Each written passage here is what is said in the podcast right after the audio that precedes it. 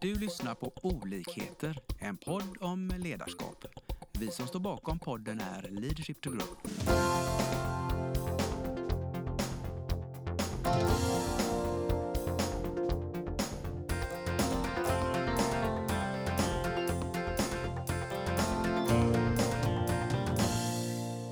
Välkommen till dagens podd. Eh, idag kommer vi nog hamna ganska mycket i entreprenörskap, tror vi. Eh, jag som pratar heter Lars och med mig har jag Lena från Leadership to Grow och sen har vi två spännande gäster som får presentera sig själva. Tack så mycket. Jag heter Niklas och jag är 31 år gammal och jag bor i Varberg med mina tre barn. Och med mig som heter Lotta, mamman till Niklas tre barn och vi driver ett bolag ihop. Med två Spänn- väldigt olika delar. Spännande. Hur eh, hamnar ni där, Niklas? Om vi börjar. Jag känner ju dig sedan lite längre tid tillbaka. Även om vi inte träffas regelbundet. Så börja. Jag tog studenten som 18-åring och eh, skolan var absolut inte min grej överhuvudtaget. Jag kände där i början, min lärare sa till mig tidigt att eh, pluggar du inte upp dina ämnen så, så kommer det aldrig bli någonting av dig. Och det är något som har legat i bakhuvudet hela min karriär. Också där och då var det ju jättetråkigt att höra men har verkligen triggat mig till mycket gott. Och efter det då så åkte jag till Norge kom in på säljdelarna. Eh, sålde ja, telefonabonnemang och vägförsäkringar och började känna ganska tidigt att eh, shit, sälj är något som, Det här kan jag. ja, som jag uppskattar. Och man ser ju fördelarna och, och allt växer liksom. Och det är på den, den vägen det har gått då. Jag skulle vilja stanna där, där eller börja tillbaka det här. Just att få den här tuffa eh, från en lärare. Det kan ju sänka många personer. Men du tog eh, det som en, en morot, en eh, jag ska minsann, lät det som. Mm.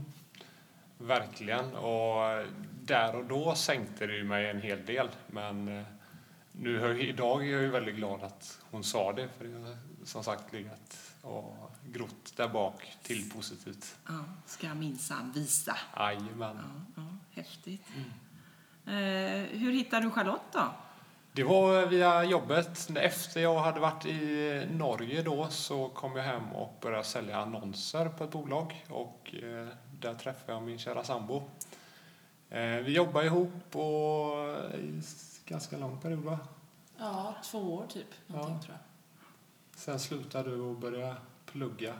Men så satt vi kvar ihop. Blev inte av med mig då. Nej. Och eh, idag då, jobbar ni tillsammans? Ja, just nu gör vi det. Nu har det varit, jag har varit mammaledig med våra eh, två yngsta barn i över två år. Så att det har varit lite... Vi har försökt jobba ihop men det är lite svårt när man samtidigt har massa barn springandes runt. Eh, Men nu ska vi börja jobba ihop Mm. ordentligt igen. Vi har kört två veckor kan man väl säga nu. Och, Ja, något sånt. eh, Men ganska mycket vabb emellan. väldigt kul att komma tillbaka till rutiner och vi känner att det, det kommer bli hur bra som helst. Är ni lika eller kompletterar ni varandra eller hur funkar ni? Extremt olika skulle jag säga. eh, ja, vi är väldigt olika delar. Jag är bra på säljet, det är du visserligen också, men eh, ditt fokus är mer struktur och ja, textning och de delarna och det är jag jättedålig på. Niklas är en typisk entreprenör. Så här, idéspruta, massa idéer. Jag är ju en administratör. Kommer inte alls på lika mycket idéer. Mycket mer så här, nej men det, det kanske inte går. Du får tänka realistiskt och vi kan inte så här. Så det är mixen där som blir bra.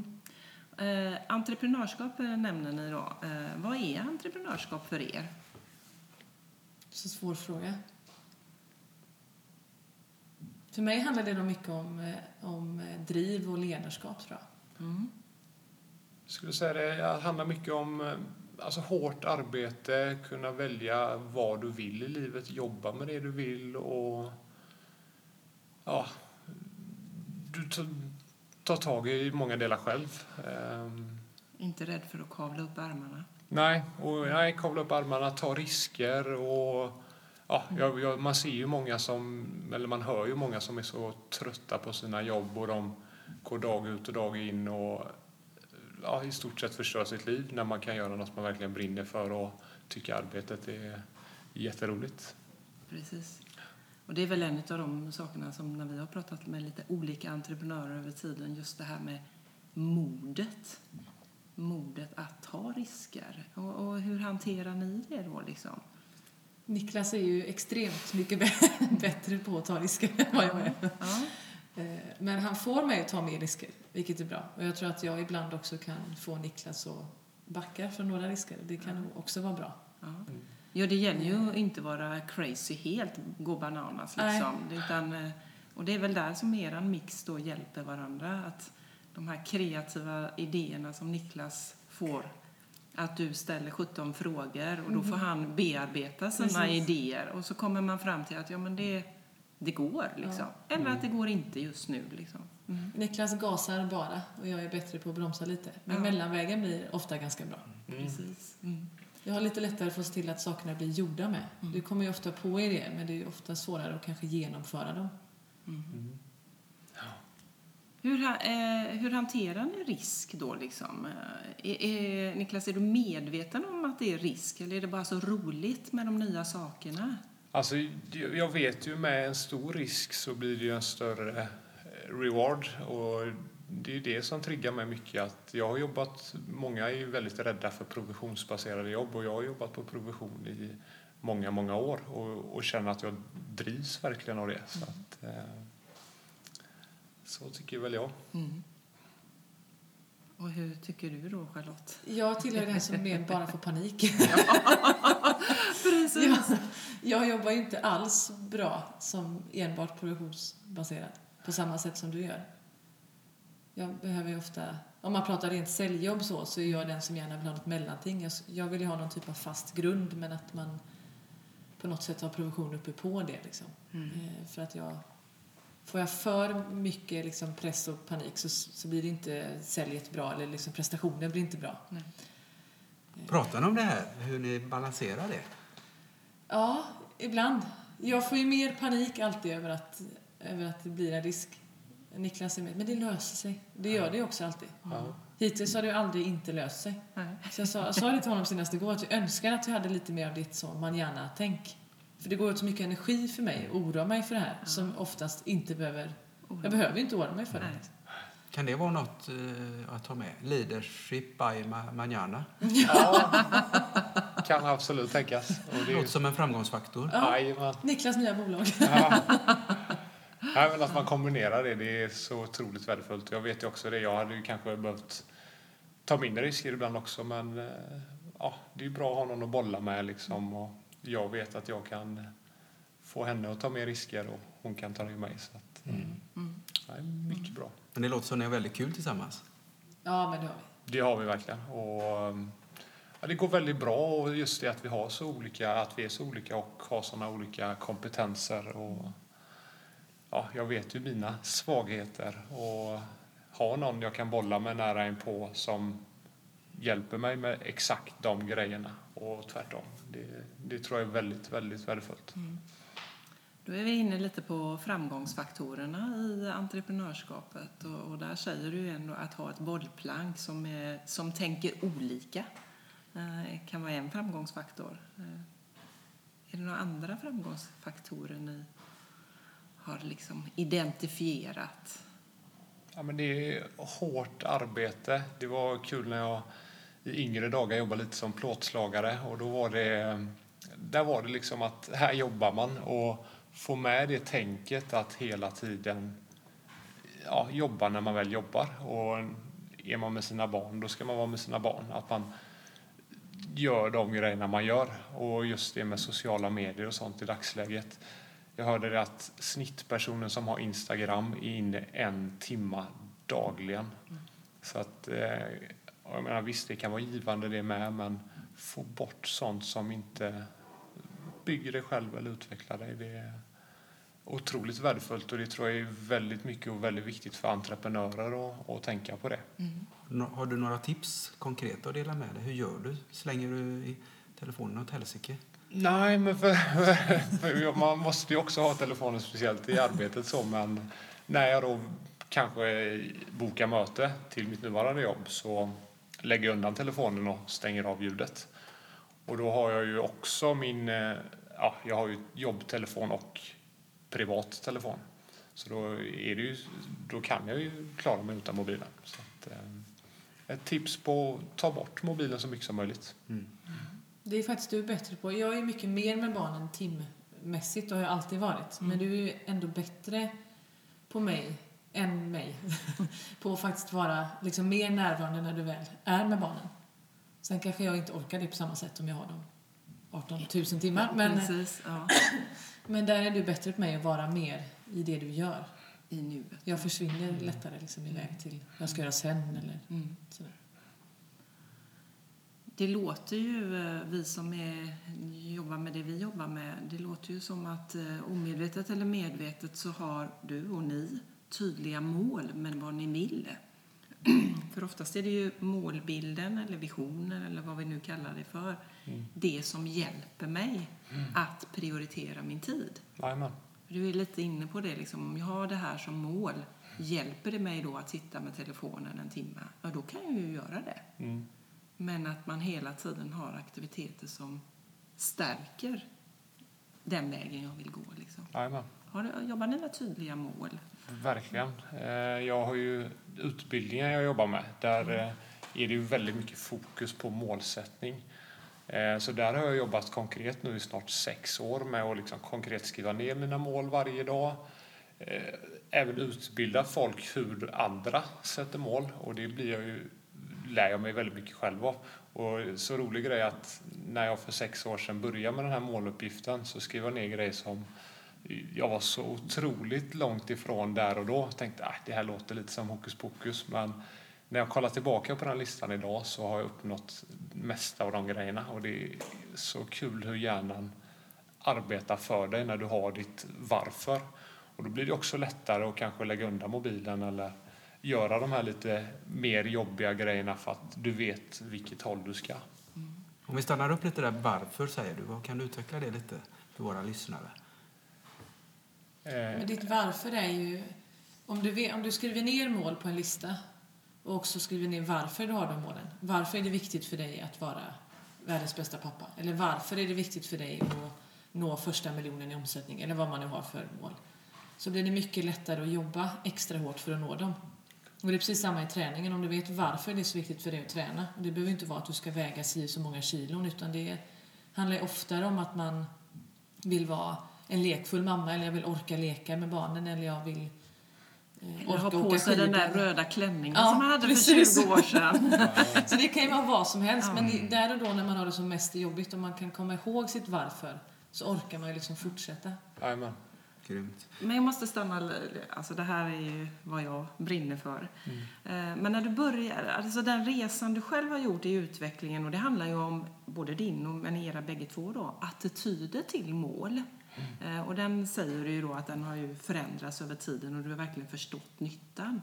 Men när du nu då jobbar med att lära ut det, vad möter du där ute liksom när folk ska börja du, du nästan tvingar dem kanske att börja sätta mål. Liksom. Vad säger folk? Alltså, frågar du folk på stan om de är målfokuserade så kommer cirka 80% svara ja. Men då är det i form av att man kanske tänker lite vagt på sina mål en gång om året. Eller, ja, det jag utbildar handlar ju om att man ska konkret då skriva ner sina mål varje dag och lägga två, tre minuter på det. Eh, och då blir det ju på ett helt annat sätt att ens undermedvetna jobbar för det. Och jag har siffror på att det är 20 gånger större chans att nå sina mål om man väl skriver ner dem dagligen.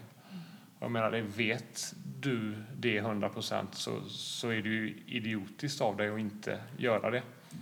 Så att, eh, och det, det är det folk behöver förstå. Och kollar man på framgångsrika entreprenörer, alla är ju jätte, jättemålfokuserade. Så att, eh, Men i de här utbildningarna då, vad får du för reaktion då på, eh, på det här med att börja skriva ner? Eller är de liksom, när de har anmält sig till dig och vill gå så har de redan kommit över den där värsta? Ja, alltså många tycker det är väldigt roligt när de väl sätter sig in i det. Och, och, och tycker, de har ju trott själva också innan att jo, men jag är jättemålfokuserad. Men i själva verket så är de inte det. Utan eh, tänka på sina mål, som jag sa, en gång i halvåret, det är, det är inte samma grej. Nej. Det, som vi, det är ju lite det vi jobbar med också då i, i, i vardagliga dags. Men det jag upplever det är ju att många liksom vill inte prata mål och vill inte sätta mål för de är så rädda att misslyckas. Tänk om jag inte når mina mål, vad händer då? Upplever du, får du några diskussioner runt det? Absolut. Det är ju, dels är folk jätterädda för det och inte nå sina mål.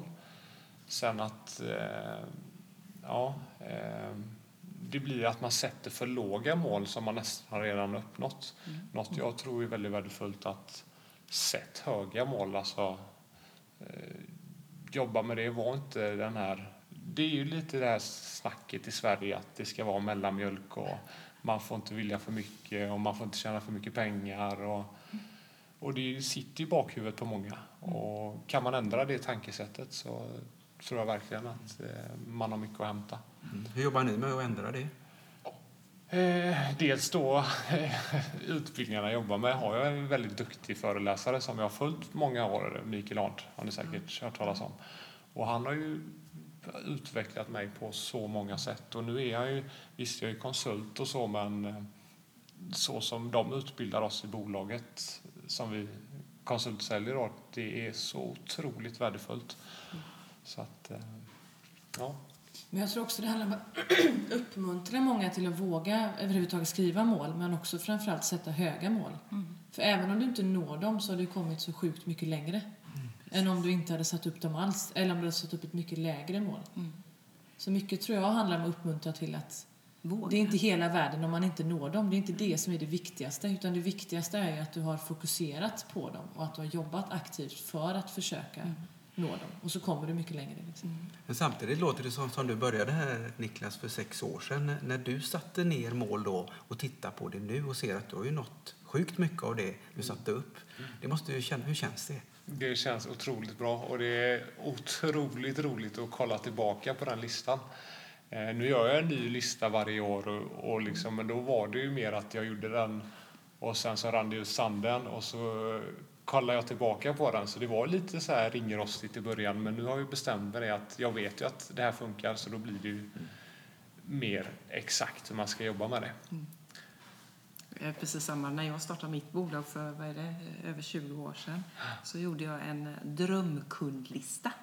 De här kunderna vill jag jobba med i framtiden. Och så blir ju den liggande, för det är ju liksom, man tittar ju kanske inte, man gör mål och man har veckomål som man följer upp så här, men kanske de där liksom Visionsmålen tittar man ju inte så mycket dagligdags på utan gör regelbunden uppföljning. Mm. Men efter eh, fyra, fem år så hittade jag den där listan och det visade sig liksom 75-80 procent av alla de kunderna hade jag fått. Och det var ju inte det att jag liksom hade kanske aktivt jagat dem. Men helt plötsligt så fanns de på nätverksträffar eller jag hamnade liksom i en styrelse där en av vdarna satt och så, så, så var de där. Så det är ju verkligen häftigt det här med att använda pennan och skriva ner för att kunna följa upp. Du får ju ditt omedvetna att jobba för dig då. Mm. Precis va. Så när jag lyssnar på er här så låter det också som att sex år det är ganska lång tid. Så uthållighet kanske är en sån här framgångsnyckel också. Kan det vara så? Absolut, verkligen. Och det är en grej också med all träning, alltså sport och cellträning då som jag jobbar med, att man fortsätter och jobba med det dagligen. För det kommer vara dagar, nej, jag orkar inte träna idag eller jag orkar inte utveckla mitt arbete eller vad det nu är. Att man står fast och bestämmer sig att det här ska jag göra varje dag i ett mm. år. Och när man ser effekterna sen så mm. blir det ju otroligt mycket roligare att och verkligen hålla på det. Mm. Det är ett varje dag-jobb. Mm. Det är det. Man ska ju tänka att det är ingen idé att säljträna eller, eller för den delen gå ledarutbildningar en vecka och sen så gör man aldrig det mer. Nej. Utan det är ett varje dag-jobb. Liksom. Och liknelsen är ju jättebra med att ut och springa. Jag behöver inte tro att jag blir bättre, men springer jag lite varje dag då får jag bättre kondition. Oavsett om jag tror det eller inte. Liksom. Det är att aktivera sig, göra saker. Eh, men det vi märker väldigt mycket också, det är ju, och det är ju lite, eller ni är ju lite inne på det då också, att, att det är viktigt också att reflektera eh, så att man liksom tränar rätt att man får effekter av den träningen man gör. Liksom, vad är det jag vill uppnå? Vad är det jag tränar? Och gav det det jag vill? Eh, och hur tänker ni om det? Men det är att jobba på huret lite. För det handlar också en del av målskrivningen. Du ska ju skriva ner målen och sen skriver du hur och sen varför då som vi pratade om innan. Ja. Men hur är just inte, inte alltid hur man ska nå målen men hur man ska börja och vilken väg man ska Hur ta. man ska liksom. börja.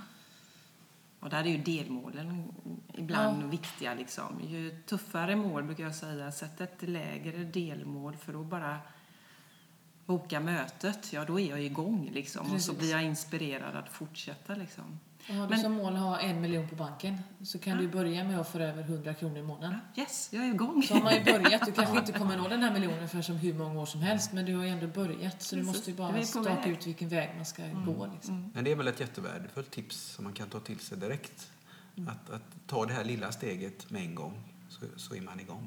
Precis, skjut inte upp det. Bättre att börja litet så har man ändå börjat.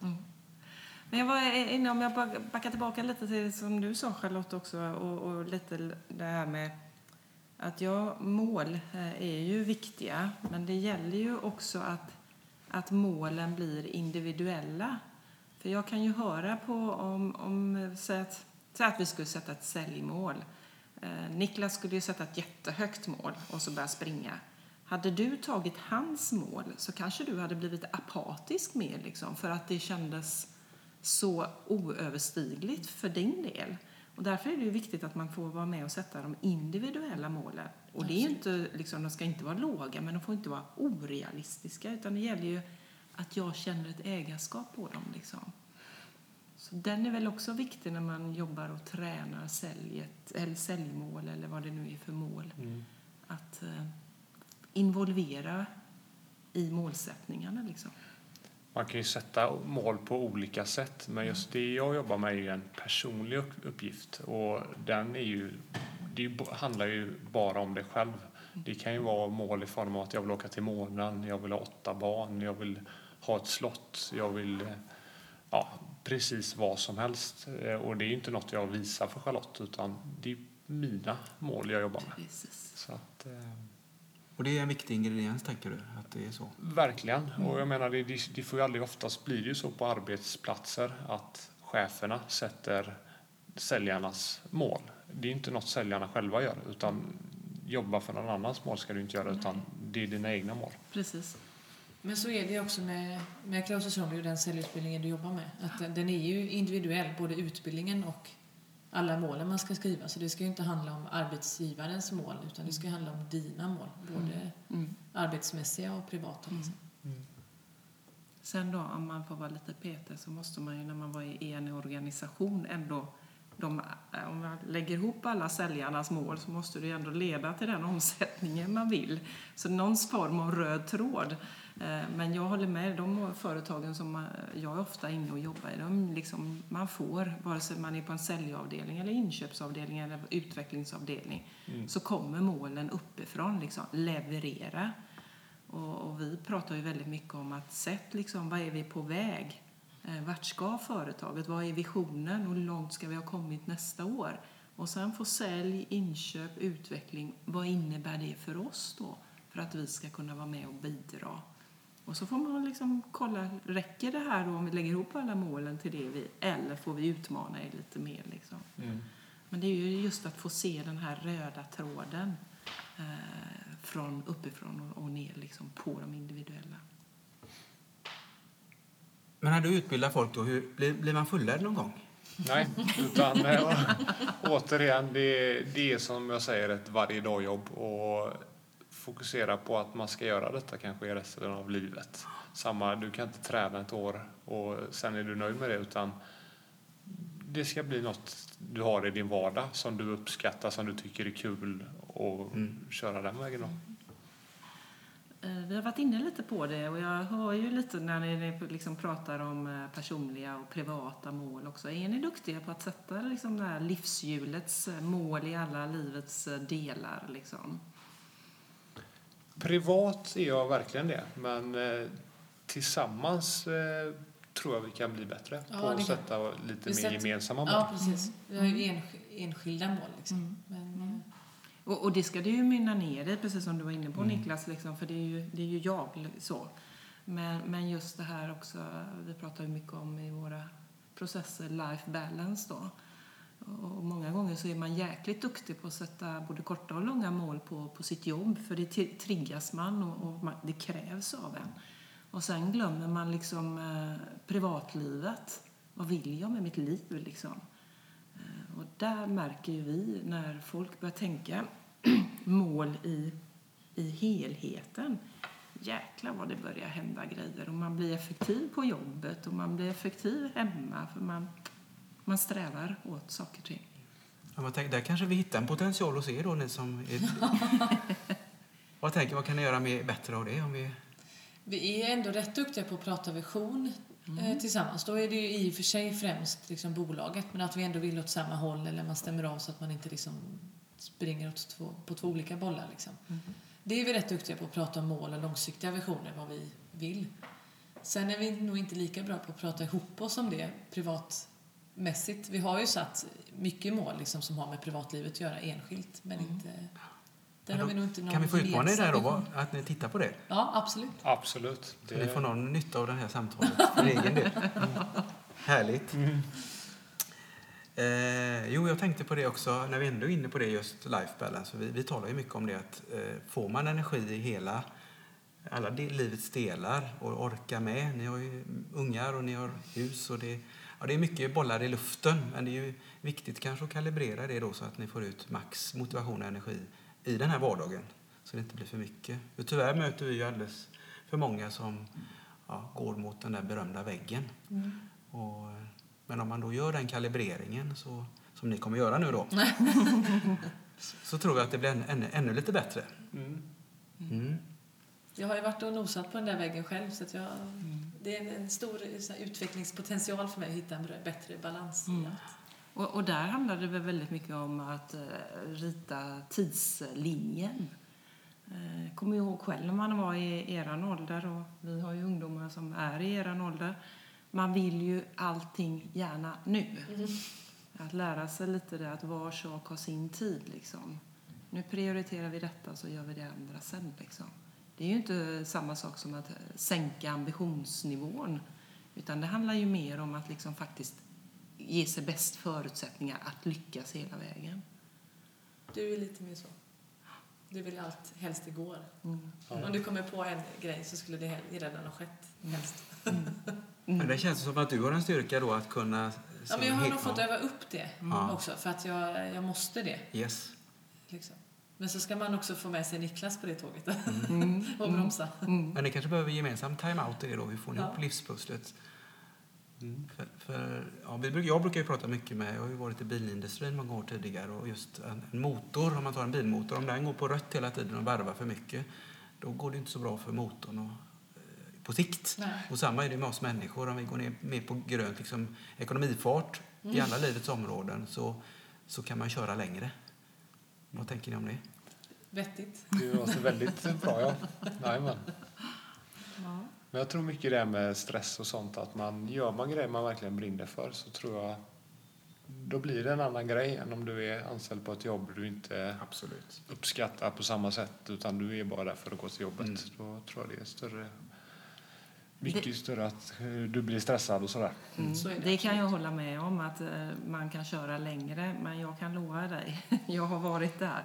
Även när man jobbar med det absolut roligaste i världen så kan det bli en baksida på det. Det kan bli för mycket av det också. Om man känner liksom att ja, nej, men det blir för mycket. Liksom. Och då handlar det ju inte om bara mycket på jobbet utan det, ofta går vi ju inte i väggen för att det är mycket på jobbet. Det handlar om utan delar. helheten. Och det är därför det är så viktigt att sätta liksom mål kanske på helheten också. Att få till Jajamän. hela livspusslet. Liksom. Och där tänker jag också det är väldigt bra att förstå varandra. Då. Vad är viktigt för mig? Vad är viktigt för dig? Det, kan, det är okej att det är olika saker, men förstå att alltså det, det kanske är viktigt för Niklas. Då, då kan jag ställa upp på det nu, för han vet ju att det här som är viktigt för mig. Och då blir, det ju, då blir teamet ännu vassare, tänk, tänker jag. Absolut. Verkligen. Bra. Har vi glömt något? Nej. Har vi glömt att ställa någon fråga som ni vill svara på? Nej. Nej. Ja, men jag det tror jag. tänker, eh, det lyser ju ur ögonen på er så att det är väl ett viktigt budskap också. Den här friheten som det utstrålar att ni, ni driver ert eget, eh, eh, roddar ert eget liv och det är, det är väl väldigt värdefullt i entreprenörskapet också. tänker. Otroligt värdefullt. Verkligen. Det är väl inget man ska tveka på. Nej, Nej, och det är väl den, kanske den största uppsidan som man hela tiden får tänka på då när man riskar ibland. Liksom. exakt. Och också ställa sig frågan, vad är det värsta som kan hända? Yes. Ska jag beställa? Yes. Till mig själv. Ja, precis, precis. Tusen tack för att vi fick vara här. Tack så mycket. Tack för att vi fick vara med. Jätteroligt. Vi hoppas att vi har väckt tankar om hur du kan utveckla och stärka ditt personliga ledarskap. Följ oss gärna på våra sociala medier där vi heter Leadership to Grow. Om du vill ha mer inspiration och verktyg, gå in på vår hemsida leadershiptogrow.com. Tack för att du lyssnar.